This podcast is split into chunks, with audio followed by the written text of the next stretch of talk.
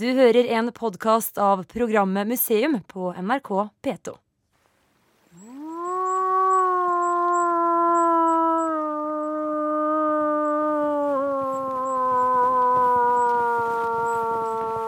Store fotavtrykk det er typisk for ulv. da. Ja.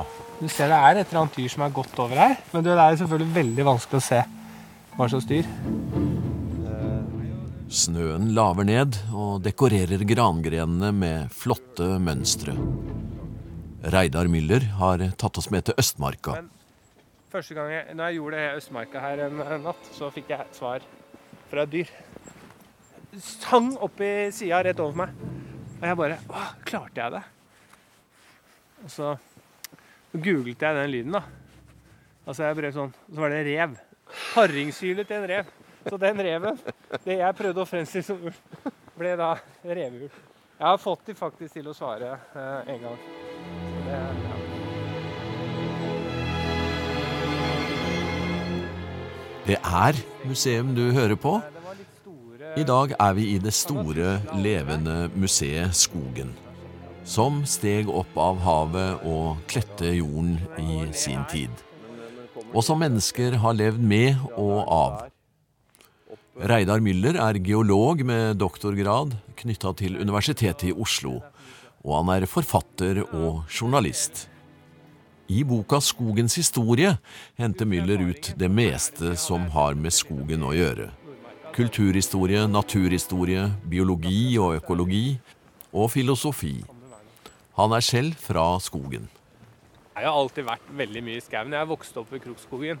Så skog har jo vært en del av oppveksten. Men eh, den, den eh, Hva skal jeg si Den ønsket om å forstå bedre hva jeg ser. Det å gå nå og tenke at eh, hva, slags, hva er det som holder til skogen? Hva lever her? Følge noen spor.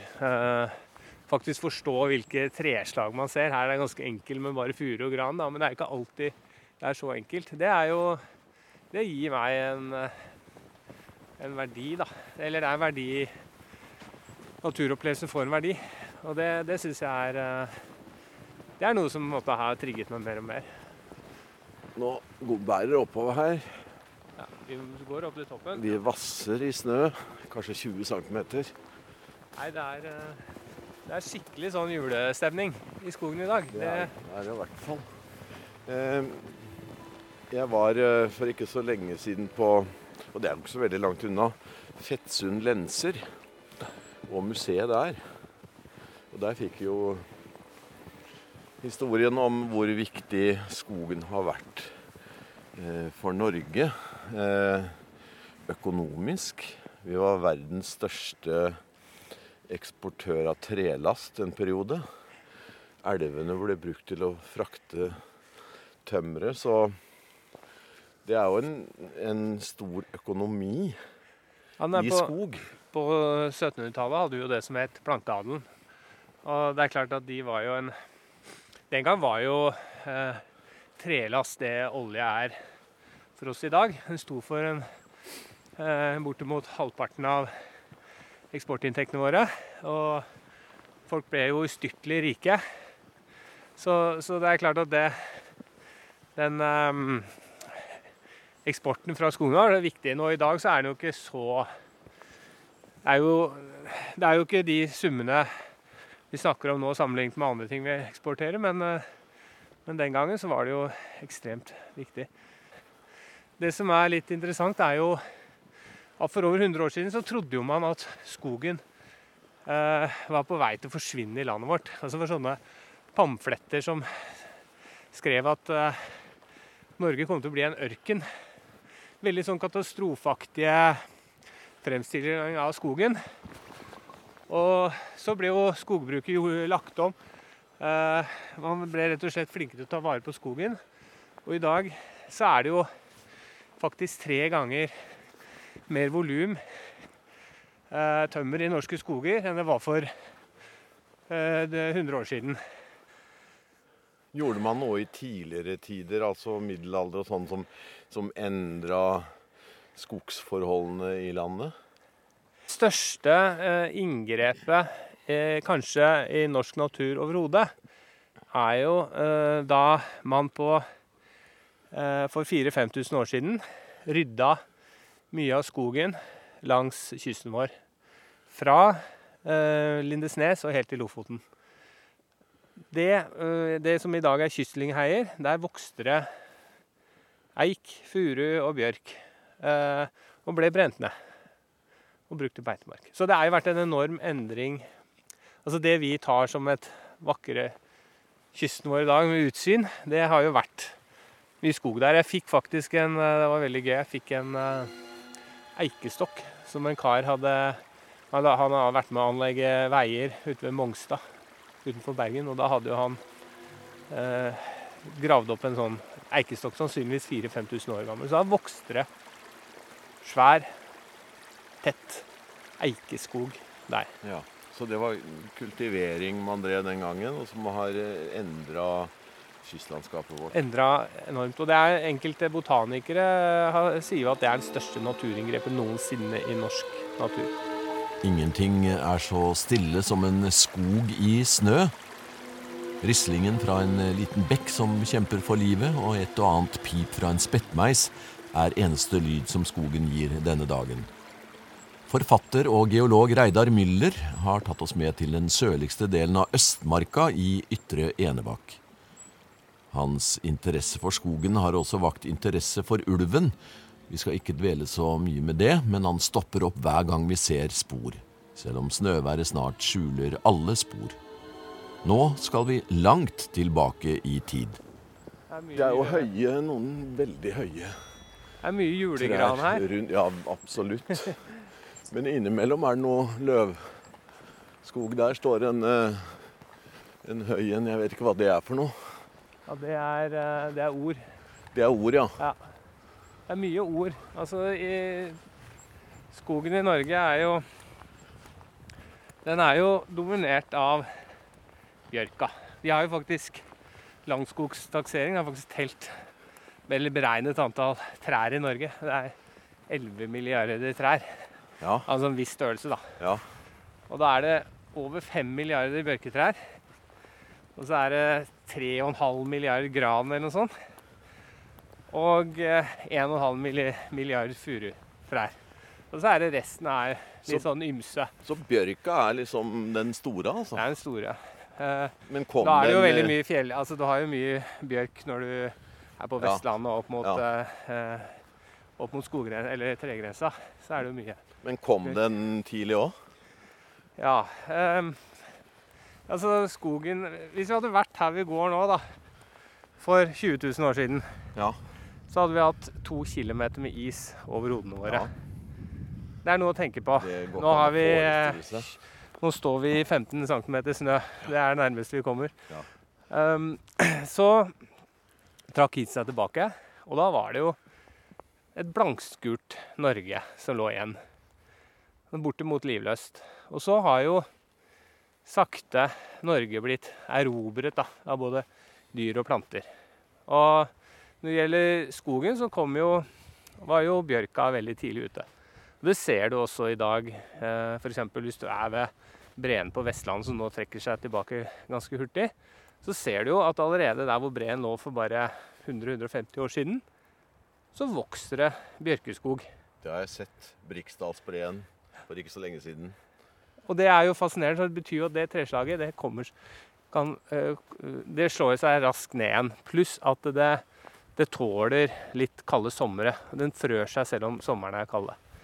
Og så etter bjørka så kom jo en skopp med andre trær, sånn som, øh, sånn som furu, osp, eh, rogn, eh, or. Alle de kom også veldig tidlig. Ja, løvtrærne. Ja, lø de løvtrærne. Men edelløvtrærne, der var det kanskje enkelte treslag, sånn som eik og sånn, kanskje kom enkelte ganske tidlig. Men som skog så kom det først når jordsmonn og klimaet var godt nok. Det er kanskje sånn 7000-8000 år siden. Altså begynner de sakte å erobre landet. De, eller deler av landet. Vi har jo ikke mye eldøvskog i dag. Nei.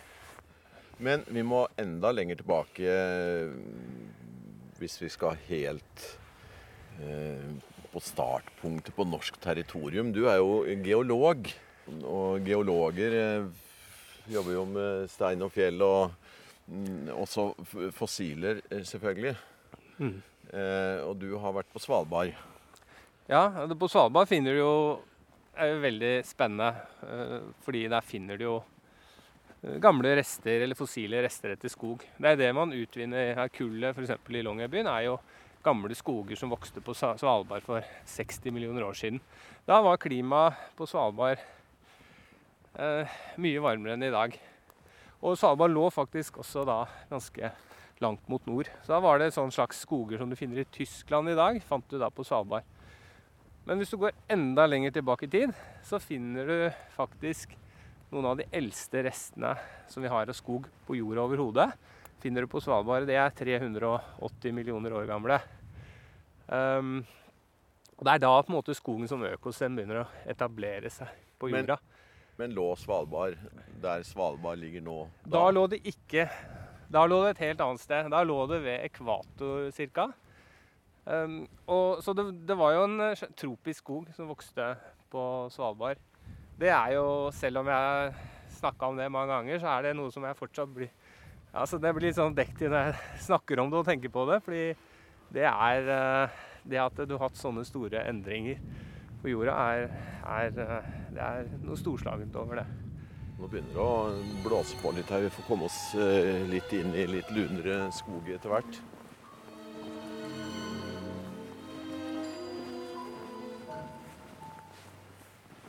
Et annet tre i granskauen. Det er litt uh, lurte jeg på. Hva slags tre var det her, da? Ja, det er jo søren meg Det er ord, da. Jeg begynte å lure. Er det ord, ja? Du ser det på de der små Men det var en stor ord. Ser du på frøene. Ja, den var enorm. Det var nesten jeg begynte å lure om det var det. Men uh, det er jo det den var så veldig grov i Jorda er jo nesten glatt. Ja. Som jeg kjenner den i hvert fall. Ja, men den var veldig grov. Det kan ikke være noe annet når man ser på de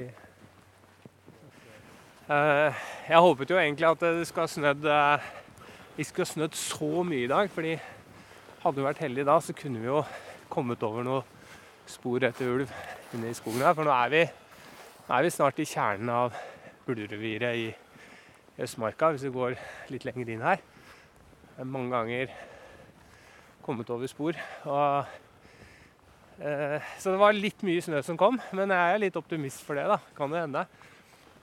Kan det hende at det ja, for kommer ulv, over. Det har du fått eh, dilla på. Det er jo, jeg tenker For meg så er det jo det å være ute i naturen er viktigst, viktigste. Men for meg så har det jo alltid vært som naturviter alltid vært viktig å prøve å forstå den naturen som jeg går i. Enten det er eh, bergarter, men også det biologiske. Altså hva slags mose er det til, til å følge spor. Eh, og da har nok kanskje den her ulvegreia Det begynte jo mer som en sånn ja, hva skal jeg si, en sånn fiks idé. At det var gøy å, å skrive om og gjøre noe på. Men så ble, har det jo blitt en litt sånn noe litt manisk over det. da. Sånn som på lørdag så skulle jeg jo egentlig sitte og jobbe og hadde litt mye å gjøre. Og så plutselig så jeg at det var noe sett noen ulvespor ute i Østmarka, og da kasta jeg meg i bilen og kjørte ut og fant spor og følte meg som verdens lykkeligste mann akkurat der og da. Så det er, eh, det er blitt en sånn For det, å se spora? For å se spor, men da følger jeg jo sporene, og så prøver jeg å forstå hvor mange var det. Og så er det selvfølgelig gøy å se var det Finner du møkk etter de, ikke sant? Eh, er det Har de vært på jakt? Ikke sant? Hva, hva, hva, hva har det dyret tenkt? Det er jo det spennende. Det å bare se Men så er det jo også noe med å gå inn i denne skogen, litt mørke skogen, og tenke at for noen timer siden så gikk det fire ulver her, og nå er jeg her. Det er noe fascinerende med det dyret. Det har jo en Ulven har jo en sånn mytisk veldig sterk posisjon i menneskets bevissthet. Ja. Som fra ulv i fåreklær i Bibelen, Rødhette og ulven. Eh, varulv. Varulv. Som man uh, Vi snakket jo litt hvordan vi har sett på skogen gjennom tidene, men uh, tenk bare hvordan altså Olaus Magnus, når han skrev historien om det nordiske folket i 1555. Der, der skriver han om varulver som om det er en helt naturlig del av faunaen. På linje med alle andre dyr man finner der ute. Og de brøt seg inn i mjødkjelleren til folk i juletider. Altså, varulver eksisterte. Eh, blant, eh, selv de lærde trodde det Ja. på 1500-tallet. Så de har en, det syns jeg også er jo litt spennende. Så kan man mene hva man vil om ulv, om man er for eller imot. Men uansett så er det et fascinerende dyr, både, både zoologisk og, og eh, idéhistorisk. Når kom den, da, du? Måtte Ah, den ha det er et vanskelig spørsmål. Ulven, eh, Hvis du kan snakke om noen som kom veldig tidlig til landet vårt, så er det ulv. Det kom, den fulgte reinsdyrflokkene nordover eh, eh, rett etter siste istid. Så ulven og mennesket var nok en, eh, en var konkurrenter. Absolutt. Um, og det har de. De har jo vært der inntil de ble utryddet for rundt ja, drøye 100 år siden. Så ble ved siste ulven skutt. Så har de jo kommet tilbake igjen nå. Nå er det vel litt sånn, jeg vet ikke, siste tall, men kanskje røftlig 100 med, med Norge og grenserevirene. Altså, så ulven har jo vært i stort antall i Norge. Og her vi går nå, så, så er det altså ulv. Her er det ulv i området. Men når du er ute i mørk, er, har du en minste lille angst for dyret, eller? Jeg, jeg tok meg i det nå når jeg spora sist, at jeg, jeg Nå var jeg sånn helt avslappa, men helt i, i starten så var jeg jo litt sånn Tenkte jeg, hva, hva er liksom Jeg husker jeg hadde en sånn liten Jeg hadde en kniv og en sånn litt sånn fyrverkeri med et sånt tilfelle. Jeg tør nesten ikke å fortelle, det er litt sånn flaut. Eh, og, og de som virkelig kan det, vil jo ledd av meg. Men i start så tenkte jeg liksom Hvis noe skjer. Men nå, nå er jo Skjønner jo at det altså, jeg vet ikke, jeg. Nå er jeg blitt mye mer avslappa på det. Tenker ikke noe på det. Jeg tenker at det er et dyr som stikker når jeg kommer. Og det, det viser eh, all forskning òg, at skandinaviske ulvene er jo livredde eh, mennesker. Her kommer vi til et skilt. Her er det jo antagelig fantastiske skiløyper. eh, Jeg går på skirenn der Ja. for å se et ulv, selvfølgelig. Viktjern, Våglia. Bysetermåsan, Vangen. Det er flott inni her, altså. Ja. Du kan si hva en vil om grana, men når det er snø, så gir den et fantastisk eh, mønster. Men det er liksom, Grana har jo Når jeg snakker med folk, da snakker jeg mye om skau rundt omkring. Og da er det jo Grana er liksom forhatt blant mange. De syns Grana er litt sånn mørk. Det er ikke noe, mange syns ikke Grana er så fin, men Erik Pontoppidan, eh, erkebiskopen Ja. i Bergen og når han levde på 1700-tallet, så syns jo han han var så fin og symmetrisk. Så jeg tror det er også litt sånn vi har skifta litt syn på treslag ut fra hvilken tid vi lever i. At ja. da skulle helst trærne være litt sånn som sagt litt symmetriske. Fura var litt mer sånn rotete. Når kom grana? Altså, Grana som er så vanlig, i hvert, altså, hvert fall på Østlandet, den eh, Altså skogdannet, altså den skikkelig granskogen, den passerte svenskegrensa for sånn 2000-3000 år siden. Ja, men Ikke lenger siden, nei. Nei, Så det er en ganske sånn ny eh, tresort i norsk natur, selv om gran, granskog er noe vi ser som veldig sånn typisk norsk. tenker jeg, Sånn som Tarjei Vesaas skrev jo dikt altså Sno og granskog, det er heimslig. altså det er noe norsk. Det, men grana er en eh, For oss geologer som har det virkelig lange perspektivet, så er det en eh, veldig, veldig fersk eh, art i norsk Eller tresort i norsk natur, da. Men grana brukte veldig lang tid, fordi under istiden så holdt den til i, i Sibir. Og så brukte den mye lengre tid enn de andre treslagene for å komme seg inn.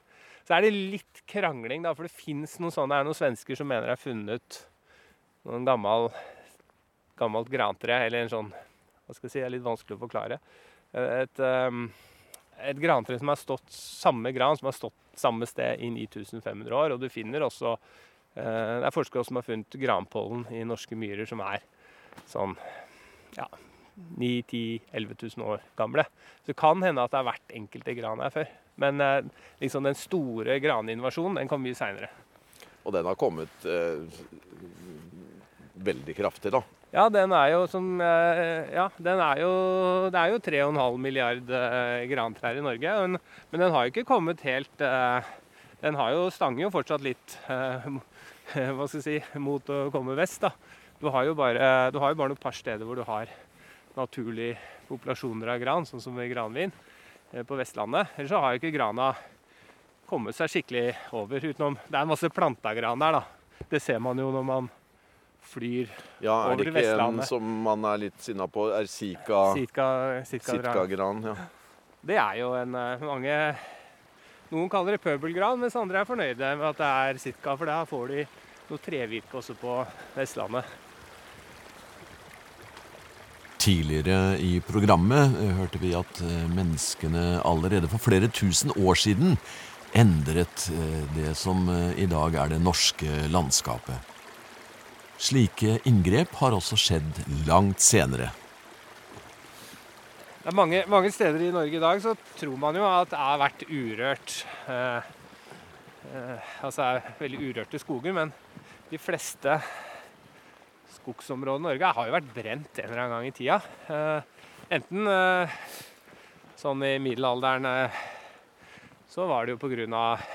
Altså det kunne være lynnedslag, men så kom jo mange skogfinner inn til Norge på 1600-tallet.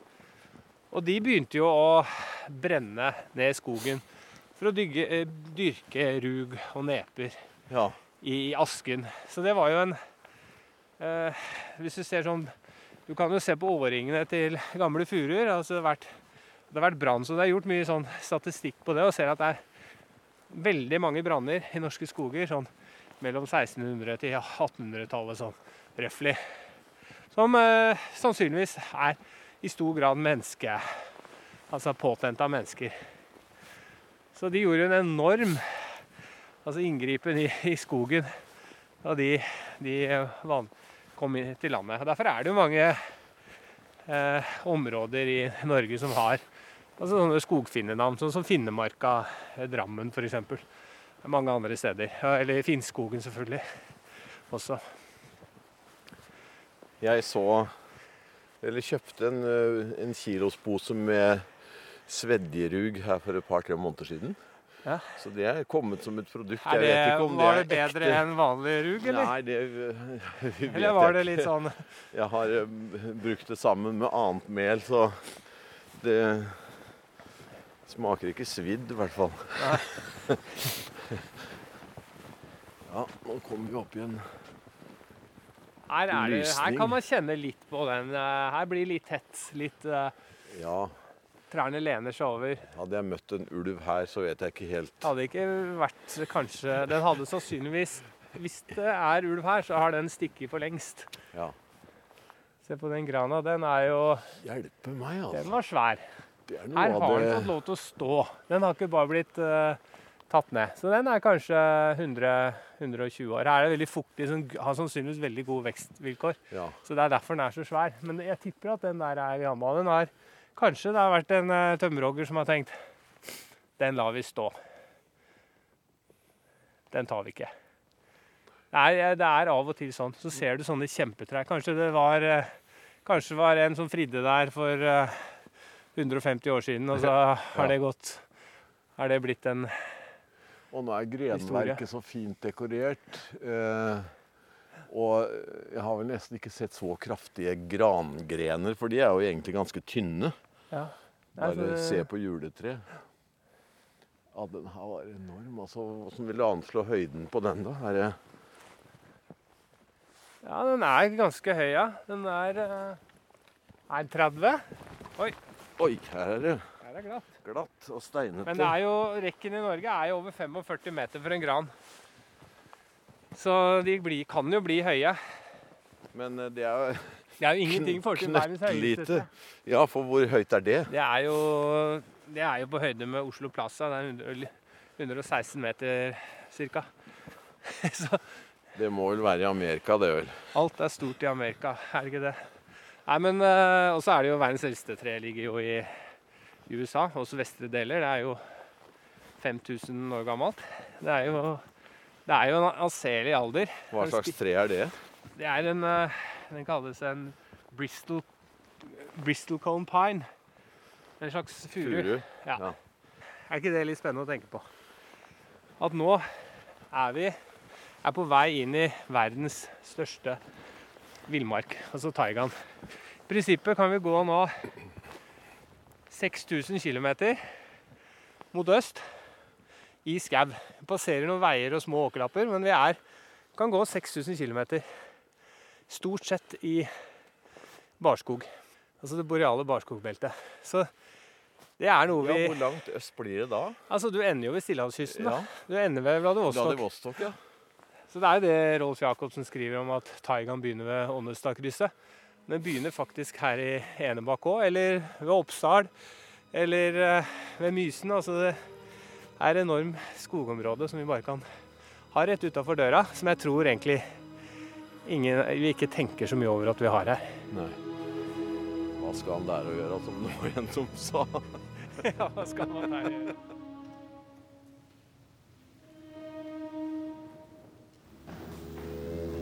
Du har nå hørt en podkast av programmet Museum fra NRK P2. Og send gjerne en e-post til museum krøllalfa nrk.no.